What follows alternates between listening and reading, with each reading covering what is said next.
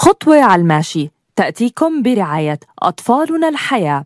خدمات ومشاريع نوعية وملائمة لأهالينا المقدسيين وأطفالهم في جيل الطفولة المبكرة. نقدمها لكم من خلال قسم الطفولة المبكرة وصفحة أطفالنا الحياة على مواقع التواصل الاجتماعي.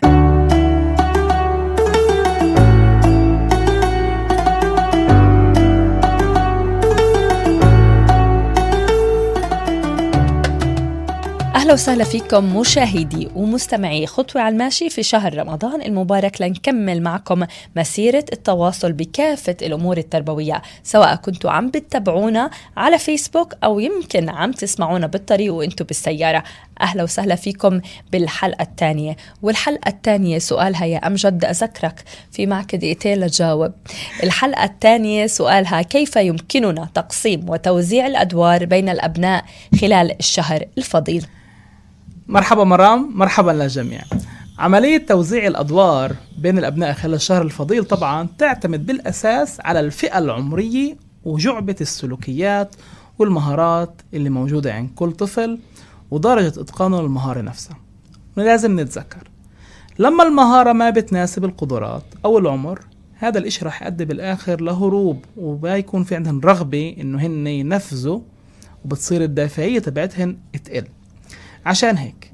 لما بدنا نقسم الأدوار كثير مهم نعمل مسح شامل لكل المهام والمتطلبات المتعلقة بالشهر الفضيل ونقسمها بحسب مجموعات. يعني مهام تنظيمية في ساعات الصباح قبل ما نطلع على المدرسة أو الشغل ونحدد فيها مثلا مين المسؤول إنه يساعد باقي إخوته في تحضير الخروج المدرسي وهذا الإشي كمان بيشمل إنه الأخ الكبير بيساعد الأخ الصغير إذا قدر في الملابس بنفع وإذا لا بيساعده في تحضير الكتب المستلزمات الأكاديمية شو ياخد معاه شو ما ياخد معاه وإلى آخره. المجموعة الأخرى من هاي المهام بتكون مجموعة ما بعد العودة للمنزل وبتنقسم ما بين إشيين. ما بين التحضيرات للوظائف أو المهام اللي كانت والتحضير اليوم الأكاديمي في اليوم اللي بعده وبعد هيك المساعدة الأب والأم في تحضير وجبة الإفطار ومائدة الإفطار وما يتلوها قبل أو بعد من مهام.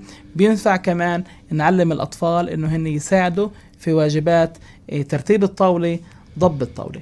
وكتير مهم بتوزيع المهام إنه كل شخص بيحصل على مهام هو بيعرف يخلصها بصورة مستقلة على أكمل وجه وبضل دور الأهل إن يعززوا ويشجعوا هاي الخطوات عشان تصير عادة مستحبة عند أبنائهم. طبعا ما بضر ان نعزز أولادنا في العائله الموسعة ونقولهن إنه ما أحلاهن بيساعدوا وشوف الأخ الكبير كيف بيساعد الأخ الصغير ورمضان كريم. رمضان كريم.